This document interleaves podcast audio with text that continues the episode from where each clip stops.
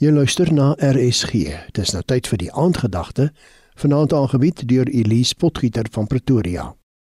Lukas 6 vers 38.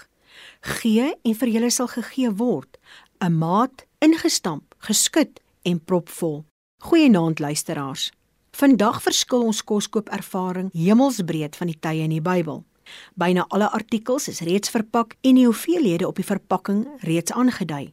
In Suid-Afrika werk ons met die metrieke stelsel, so voedsel sal in gramme of kilogramme, milliliters en liters verkoop word.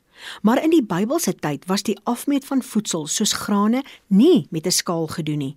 'n Boer sou sy produkte soos mielie, skoring, balie ensovoorts na die mark bring. 'n Potensiële koper sou dan kom en vir die prys vra en dan sou hulle oor 'n prys ooreengekom het.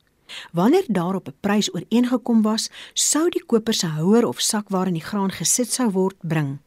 Die verkoper sal dan 'n maatbeker neem en die houer begin volmaak. In Jesus se tyd was daar 3 stappe waarin die graan vir die koper in sy houer geplaas sou word. Die eerste stap sou die verkoper die houer tot bo volmaak. Daarna sou hy die graanhouer geskit het om meer spasie te maak vir nog graan.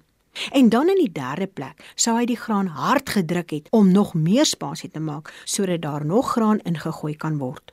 Jesus verseker ons dat as ons verander sou gee, sal hy vir ons teruggee, 'n goeie maat, propvol, geskit en ingestamp. Wanneer ons verander gee, gee God vir ons terug. As ons syne gaan gee, gaan God ons Vader synig vir ons teruggee, sê die woord. As ons oorvloedig gee, dan sal God ons Vader ook aan ons oorvloedig gee.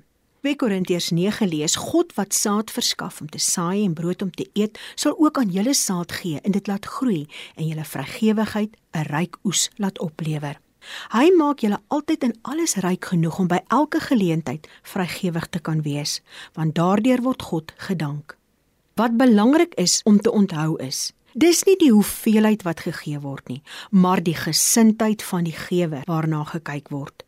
Waarom sou Jesus ons aanspoor om te gee? Wel Jesus sê, ons sal as sy disippels sy werk voortsit op aarde, nie net om sy woord te verkondig nie, maar ook om na ons medemens om te sien. Matteus 26 lees: Dan sal die koning vir die aan sy regterhand sê: Kom julle wat deur my Vader geseën is. Ek was honger, dors, sonder klere, in die tronk en julle het my versorg. Dit verseker ek julle, vir sover julle dit aan een van die geringstes van hierdie broers van my gedoen het, het julle dit aan my gedoen.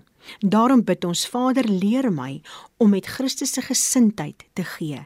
In die naam van Jesus Christus bid ons dit. Amen. Dit was die aandgedagte hier op RSG, aangebied deur Elise Potgieter van Pretoria.